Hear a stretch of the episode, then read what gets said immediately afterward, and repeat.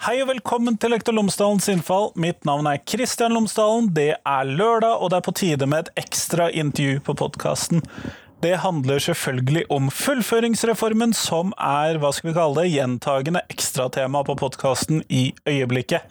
Dette er episode to av Fullføringsreformspesialene. Eh, La oss kalle det det. Denne gangen så har jeg med meg Tony Burner, Han er professor på lærerutdanningen ved Universitetet i Sørøst-Norge, og han deler sine synspunkter på fullføringsreformen, hva han tenker er positivt og negativt om den, i denne episoden. Ellers, podkasten er som alltid sponset av Cappelen Dam Undervisning, og hvis du går inn på tverrfaglig.cdu.no, så finner du alle de oppleggene som Cappelen Dam Undervisning har laget i forbindelse med fagfornyelsen i videregående skole. Tverrfaglig.cdu.no. Vær så god. Her kommer intervjuet med Tony, vær så god.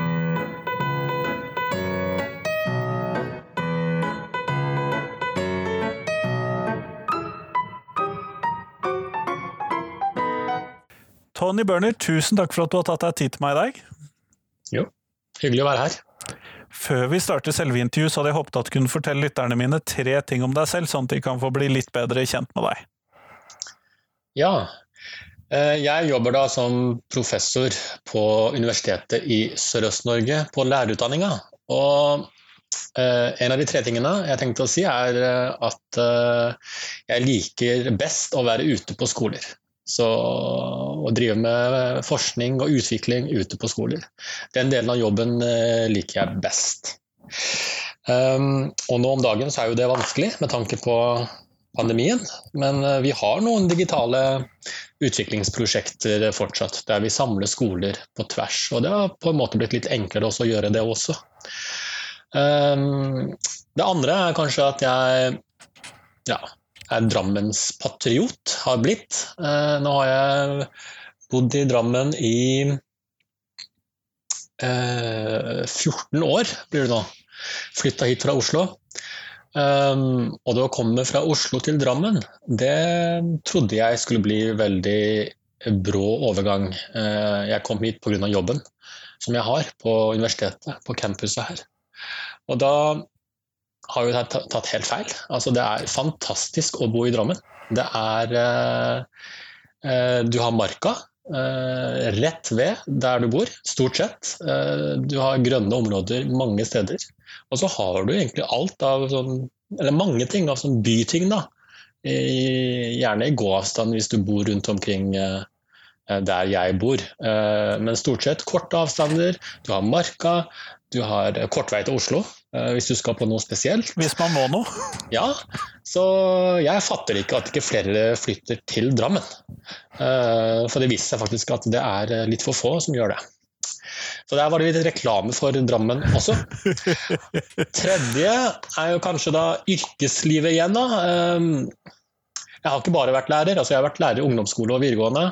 Men bortsett fra det, det er sikkert mange som ikke vet, men jeg har vært avisbud, jeg har vært eh, butikkmedarbeider, og så har jeg jobba på inkassobyrå. Og det er ikke en takknemlig jobb å ringe folk og mase på at de skal betale regninga si. Um, men det var spennende læring, det også. Akkurat det siste der har faktisk jeg gjort også. Ja, du har det. ja.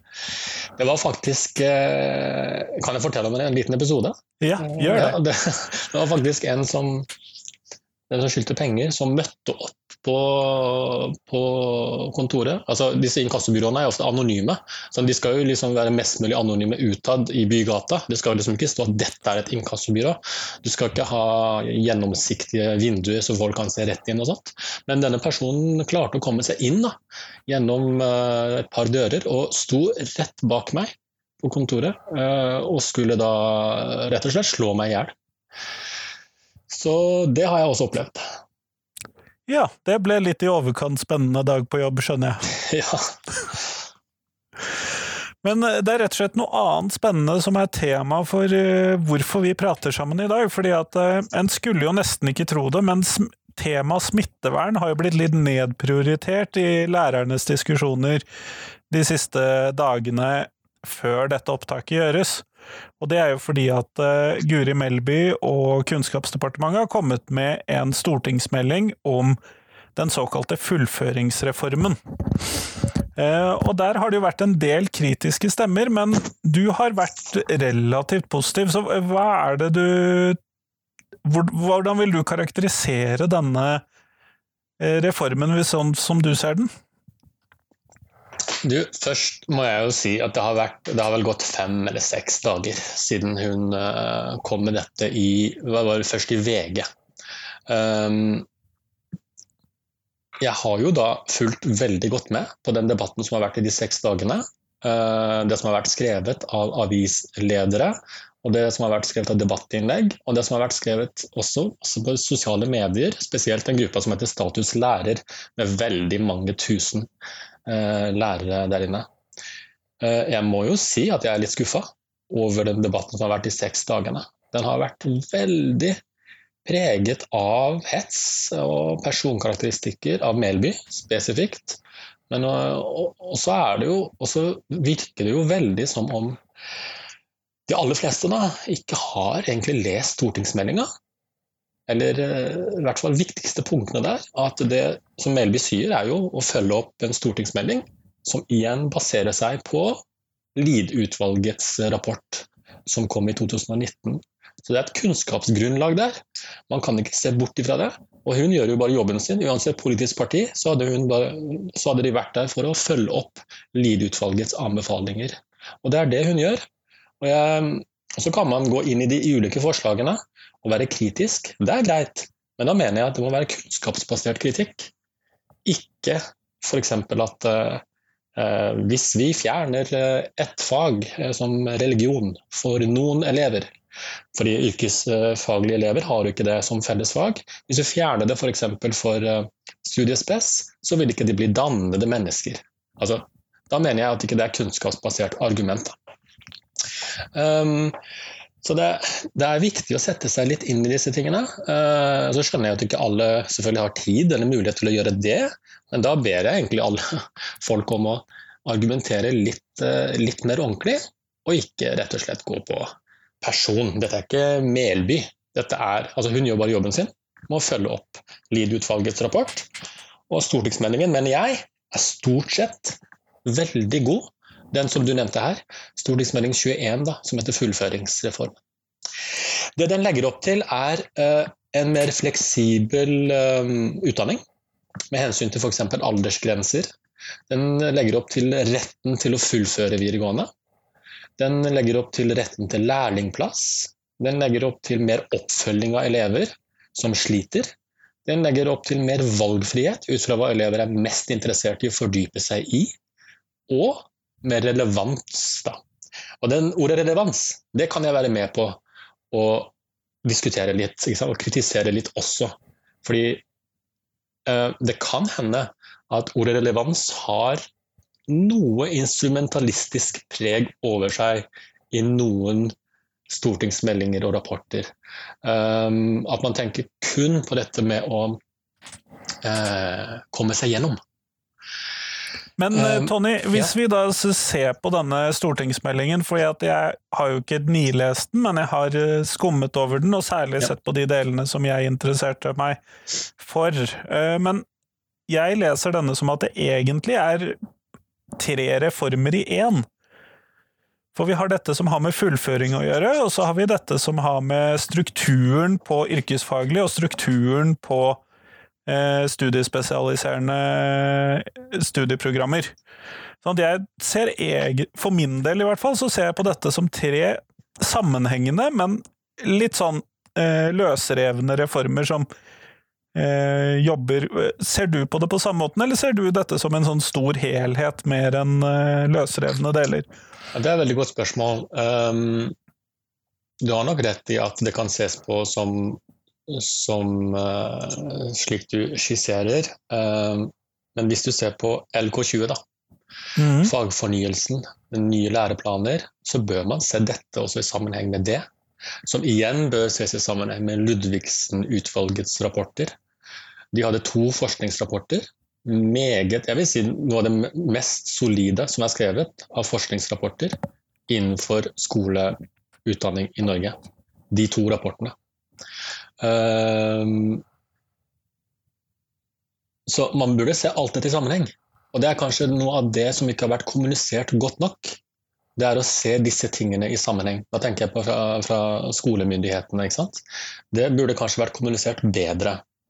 Og så kan man argumentere for at som det, det har jeg sett mange lærere sier Hvorfor kommer dette nå?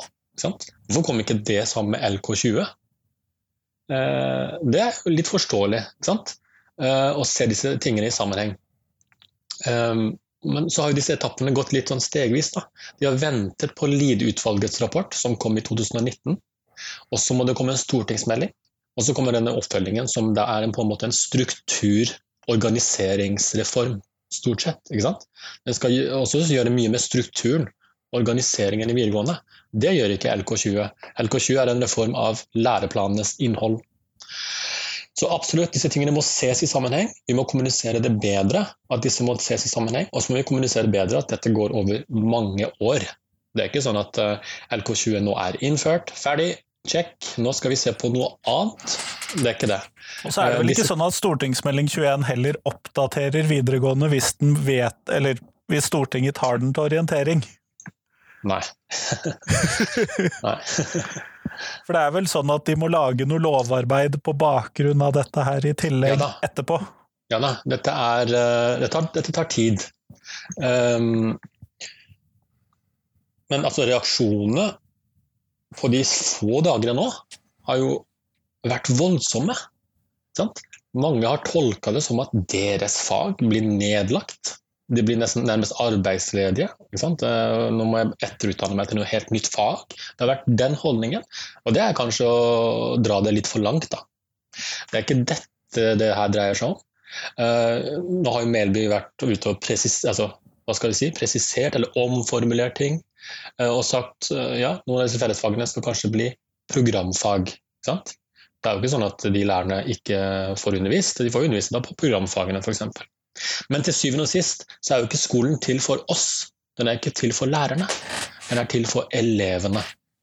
Eh, dette her får meg til å tenke på eh, John Dewey, den store pedagogen innenfor dette feltet her. 'Thinking and Doing'. Han kom jo med den Chicago-skolen 130 eh, år siden. 120-30 år siden kom han med disse ideene. Som vi nå snakker om i fagfornyelsen. Ikke sant? Så på mange måter så, altså Jeg skrev et innlegg nylig i Drammens Tidende om dette. På mange måter mener jo jeg, jeg at vi ikke gikk langt nok med LK20. Sant? Og da, Jeg mente jo fag- og timestrukturen burde vært sett på samtidig.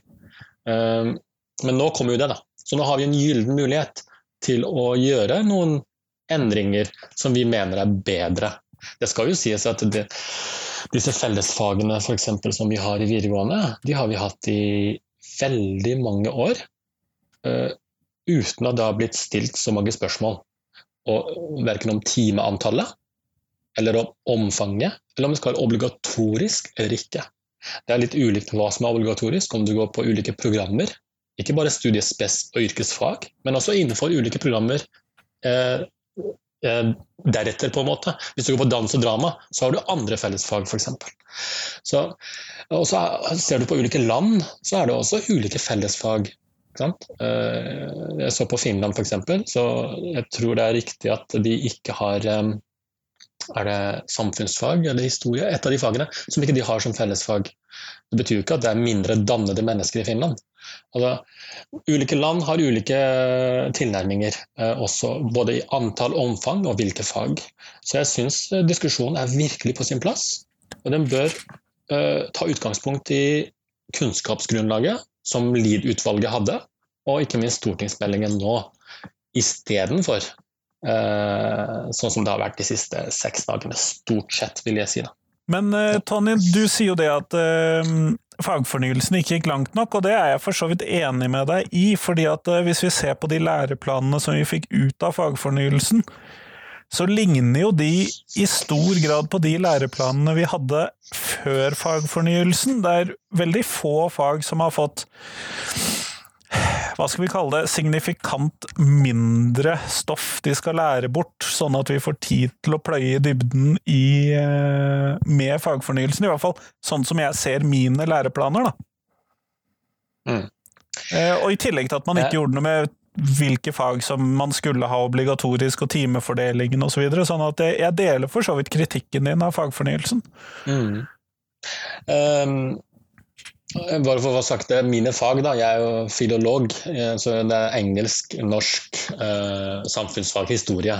Det er liksom det jeg hadde i skoleverket, og, og på universitetet nå er det jo engelsk.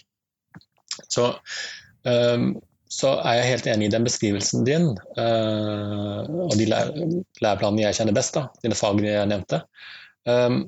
Så jeg var, jeg var veldig skuffa, faktisk, med LK20 etter å ha lest Ludvigsen-utvalgets eh, forbilledlige forskningsrapporter. Så tenkte jeg wow, altså hva skal elevene besitte av kompetanse om 20-30 år? Og så kom de med konkrete anbefalinger. Eh, og så tenkte jeg dette kommer til å skje, trodde jeg da. Og så kommer LK20, som er kanskje ja, 60-70 av det de eh, Ludvigsen-utvalget anbefalte. De har på en måte sett bort fra noen viktige ting da, som de ikke har tatt hensyn til. Det syns jeg fortsatt tung, uh, sitter tungt inne. Um, for eksempel, da, så sa Ludvigsen-utvalget at vi bør ha fire kompetanser i skolen. Altså, det ene var matematikk, naturfag, teknologi. Det andre var språk. Det tredje var samfunnsfag og etikkfag. Og det fjerde var praktisk-estetiske fag. Det var dette de ville ha som fire kompetansene, gjennomgripende i skolen, istedenfor grunnleggende ferdigheter som er gjennomgripende. Men det ble ikke tatt hensyn til. De skrev mye om sosial og emosjonell læring i LK20.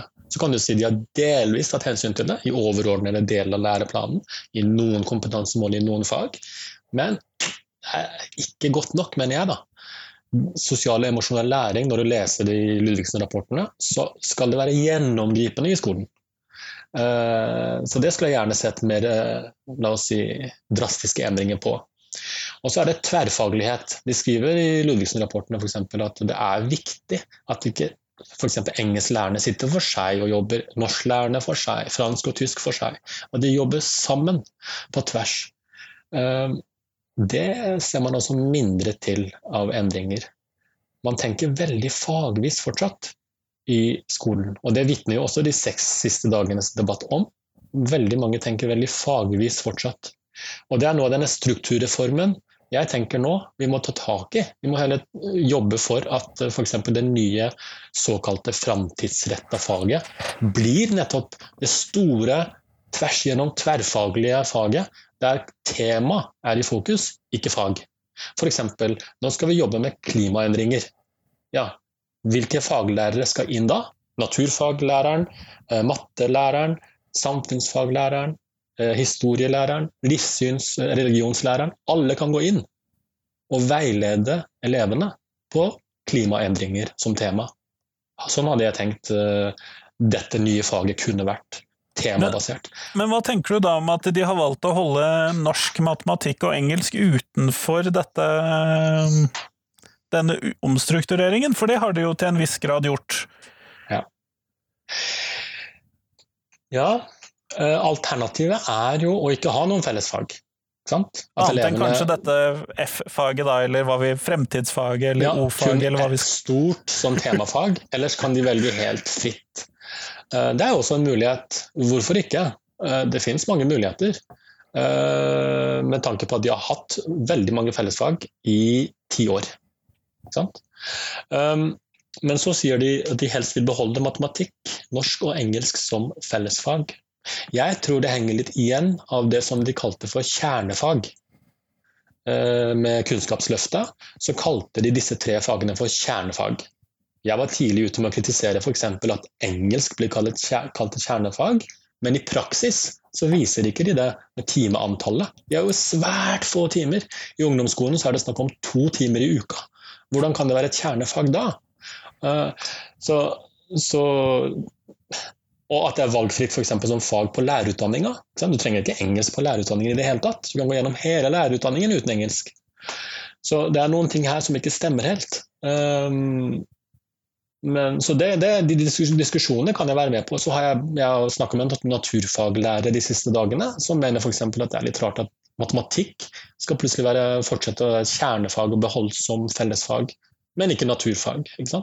Så, men altså, skulle jeg, skulle jeg på en måte, Hadde jeg hatt en tryllestav og kunne få den friheten til å gjøre akkurat som jeg ville nå, så hadde jeg tenkt vi skal ha en temabasert skole, ikke fagbasert i tråd med Ludvigsen-utvalgets forskningsrapporter, i tråd med hvordan verden ser ut. Vi går ikke ut av skolen eller ut av huset vårt og tenker fag. Du tenker ikke 'oi, klimaendringer, nå er det kun ett fag som gjelder'. Du tenker tema. Du ser verden, du jobber, du jobber i ulike yrker, så er det tema. Problemløsning, case, innovasjon, kreativitet. Skape på tvers av det vi kaller fag. Så jeg skulle gjerne sett en skole som kun var temabasert, jeg. Med ulike faglærere inn og veileder på de ulike temaene. Men er ikke Så, fagfornyelsen da litt bortkasta? Hvordan da? Nei, nå har vi jo laget nye læreplaner osv., og, så videre, og så skal plutselig noe bli få mange flere timer, og noen skal få færre timer, og noe skal bli programfag, og du ser helst at vi skal jobbe temabasert. Da kan vi jo ikke beholde disse læreplanene. Noe må iallfall skje med de. Ja, øh, hvis man ser på de som separate ting, da. Hvis man ser på det i sammenheng. Sånn at nå, nå prøver jeg på en måte å være djevelens advokat. da. Hvis du er øh, Hvis, øh, hvis øh, regjeringa er djevelen. Nei, men hvis politikerne er djevelen her, så, så, så, ser de på Så har de starta med, med reform av læreplanene, og så skal de nå se på et fag- og teamfordeling. Men det er ikke noen læreplaner skal legges ned eller uh, avsluttes, men at de går inn i f.eks. nye fag, tenkes det. Ikke sant? Kan hende f.eks. at samfunnsfag, historie, religion, øh, annet var da fellesfagene? Ja, geografi, for så vidt. Alle disse her kan slås sammen uh, tematisk innenfor det nye såkalte framtidsretta faget. Kan hende at det er, det er, sånn man tenker. Det er vanskelig å si, da. Er, sånt kommer ikke tydelig fram i stortingsmeldinga. Så store arbeidet gjenstår. Og så er jeg veldig glad for at uh, Melby-departementet nå skal invitere alle fagfolka uh, til å, til å, komme med innspill til dette nye faget. Da. Så jeg tenker vi må gripe muligheten. Kom med innspill. Hvordan vil vi ha det? Um, og så er det jo et, et, annet poeng er fremmedspråk. Språk er jo mitt hjerte nært. Også, så, men, ut, men, helt utenfor mine egne kjepphester. Når du leser stortingsmeldinga, Eh, som er basert på igjen Lied-utvalgets rapporter, så er det vel lite om, eh, om språk. Eh, det står bitte grann her og der. Det står veldig mye om at verden har endret seg, om nye kompetanser, kritisk tenkning osv., men lite om fremmedspråk. Da tenker jeg språk utenom engelsk. Fransk, tysk, spansk, kinesisk, hva det måtte være. Det står lite om det. Og så går du inn på Lide-utvalgets eh, sammensetning, eh, hvem som satt i det utvalget. Så er det lite språkkompetanse.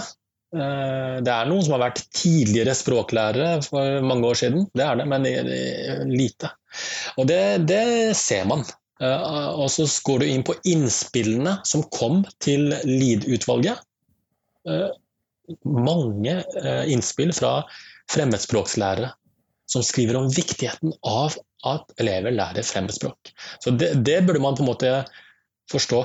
Men ett sted står det i stortingsmeldingen at regjeringen skal se på om ikke fremmedspråk skal tilbys tidligere i løpet på mellomtrinnet i norsk skole. Uh, det syns jeg var veldig godt forslag. Hvis man la oss si de tar bort fremmedspråk som uh, fellesfag, på studiespesialiserende retning. Det skal sies, det er ikke fellesfag for yrkesfaglige. Hvis man tar det bort som fellesfag på studiespes, så burde det i det minste forstå viktigheten av at elever begynner å leke med språk, få øh, smak på, smake på ulike fremmedspråk, tidlig, helst barnetrinnet. Jo tidligere, jo bedre. Her har vi 40 års forskning på språk og hva det betyr for kognitiv evne, kognitiv utvikling, evne du kan bruke i alle fag.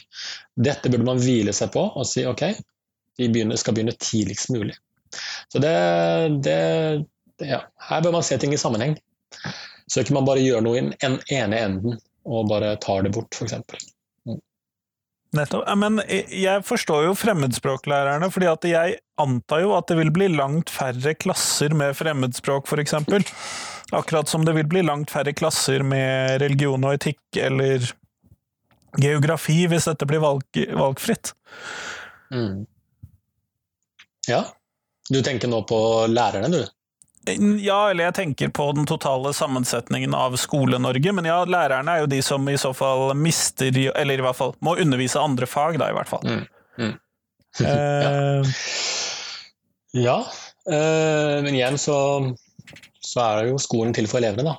Eh, den er det. Eh, men jeg, jeg, altså hvis man fjerner fremmedspråk som fellesfag og gjør det om til et valgfag, eller programfag, men ikke eh, øker det på barne- eller mellomtrinn, altså setter det inn der, så er det en megafeil. Da, da er det ikke kunnskapsbasert i det hele tatt. Da vil man få dårligere ikke bare sånn, Man må ikke tenke på fremmedspråk som instrumentalistisk for å kunne kun kommunisere med flere mennesker eller få en spesifikk jobb, men det er snakk om å utvikle kognitive evner som du får bruk for i alle fag. Så det går man glipp av, da. Hvis man eh, ikke introduserer det tidlig i skoleløpet. Mm. Eh, hvilke sånn klare fordeler og ulemper ser du for elevene med at de med denne reformen da, vil ha større valgfrihet i hvilke fag de skal lære seg i løpet av eh, studiespesialiserende løpet? Jeg, jeg er nok stort sett positiv. Jeg mener mer valgfrihet når du har vært ti år på skolebenken og hatt veldig lite valgfrihet. Eh, er bra. Du får mer fordypning i det du ønsker mer av. Eh, det, det mener jeg er i seg selv bra, som kan føre til økt motivasjon for elevene og interesse for å gå på skolen. Og så tenker jeg, når du begynner på videregående, så ja, det er ikke alle som veit hva vi skal gjøre seinere. Men de vet nok veldig godt hvilke fag de brenner mest for og har mest interesse av å lære mer om. Hvilke, det mistenker jeg at du har rett i. ja, hvis, man tenker, hvis man tenker på skole og verden som fag, da. Jeg liker jo ikke det, som sagt. Skulle ønske at det var tema. Hvilke temaer de ønsker å gå videre med. Og bli hele veiledet av ulike faglærere. Men slik er nå skolen, da. Og har vært det i så mange år at man tenker fortsatt uh, fag. Um, så jeg tenker at det er et, uh, et gode.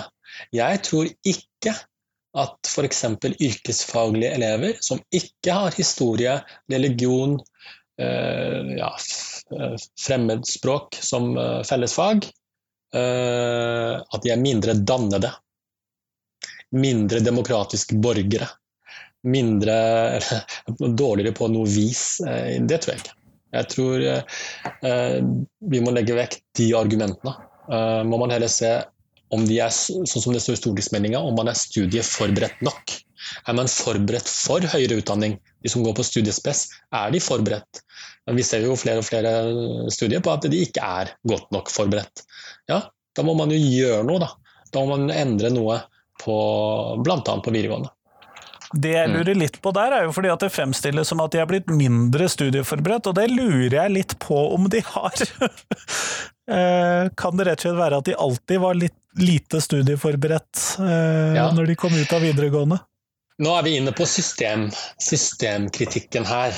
Eh, fordi det skal jeg være enig i. Det er de som sier ikke alle burde gå på videregående. Jeg er jo helt enig i det. Men så er jo samfunnsutviklingen vært sånn, eller i Norge, da. I Norge, eh, Vesten stort sett, har vi et kunnskapssamfunn. Altså det er basert på at du må ha fullført uh, videregående for å ha sjans til å i det hele tatt få jobb. Vi er der. Vi var ikke der før. Hvis du går 30-40-50 år tilbake i tid, så hadde du flere muligheter. Eh, men de som dropper ut, som vi kaller for frafall da, fra videregående, de havner stort sett på, i dårlige løp i livet. Og det er jo ikke bra. Man må gjøre noe med det. Så, så, så det er sånn systemkritikk samfunnet vårt gjør det nødvendig å fullføre videregående. Derfor mener jeg disse grepene, flere av de, er veldig gode for å få til det.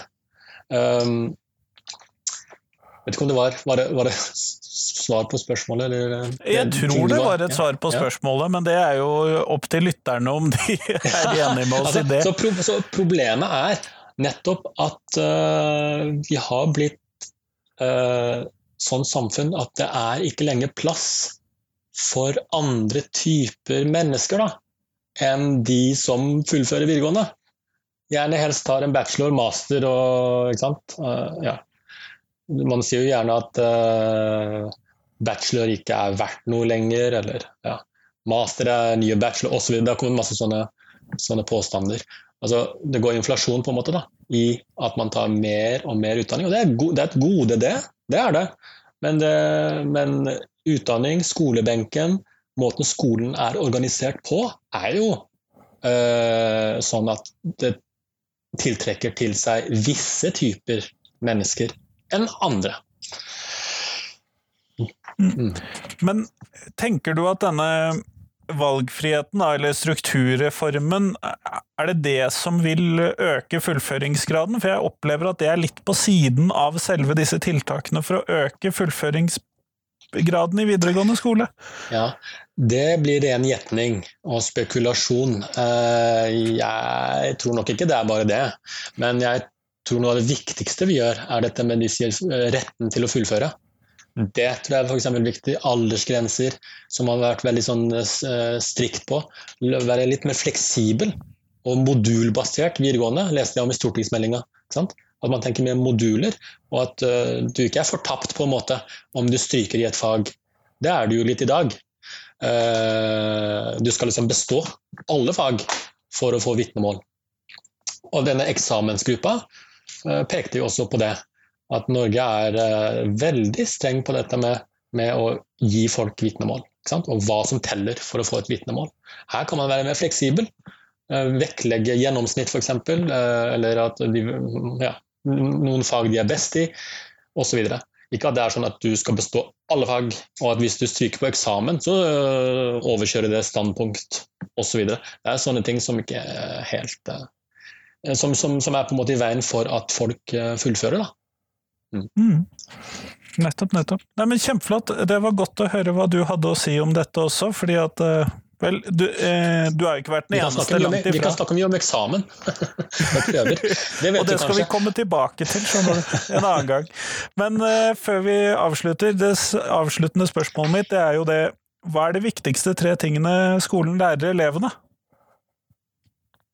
Ja, um jeg tenker eh, kritisk tenkning er, eh, må være en av de tre tingene. Hvis jeg må velge tre ting, da. Så kritisk tenkning. Vi er jo i en tid med svært varierende reliabilitet når det gjelder kilder. Eh, så det å analysere, tolke, vurdere informasjon på en god, etterrettelig måte, det tror jeg blir viktigere og viktigere med tiden. Andre måtte være interkulturell kompetanse. Altså det å fungere i kommunikasjon med mennesker som har ulike identiteter. Eh, det tror jeg blir også viktigere og viktigere i en mer og mer globalisert verden. Og det tredje måtte da være det å produsere gode, produsere, skape gode tekster eh, med problemløsning som i bunn. Da. Altså jeg tenker på retorikk innenfor muntlige tekster, eh, skriftlige tekster på tvers av fag. At man, man, er god på å produsere tekster. For er, vi er et veldig tekstbasert samfunn. Behersker du ikke tekstsjangeren, om det er muntlig, skriftlig eller multimodal, så sliter du. Både i skolen hele løpet og senere i livet. Mm. Ja, nei, for Jeg lurte litt på det om du da mente konkret tekst som i bokstaver etter hverandre i setninger på et papir, eller om du tenkte på tekst i et litt sånt utvidet begrep. så Veldig vid definisjon av tekst, ja. Veldig. Nå har vi f.eks. i dag uh, uh, vært innom flere typer tekster. Mm. Altså, vi har jo bare da vi snakker på podkast, det er også en type tekst. Det tror jeg er litt fremmed for folk som er utenfor skolen og universitetet. ja, kanskje. Men Kjempeflott, Tony. Tusen takk for at du tok deg tid til meg i dag. Jo, takk for invitasjonen. Det var en fornøyelse.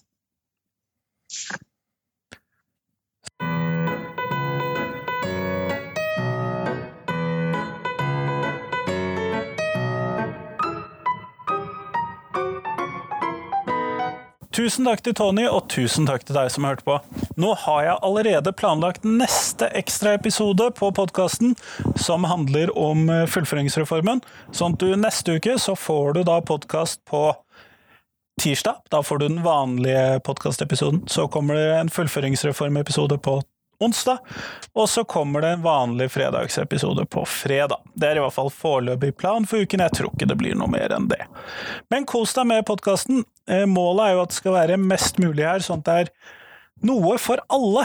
Noe som, for alt er ikke interessant for alle, og da håper jeg at vi finner noe du er interessert i. Men som sagt, tusen takk til Tony for at han delte sine synspunkter på fullføringsreformen, og tusen takk til deg som hørte på. Også ha en fin helg videre.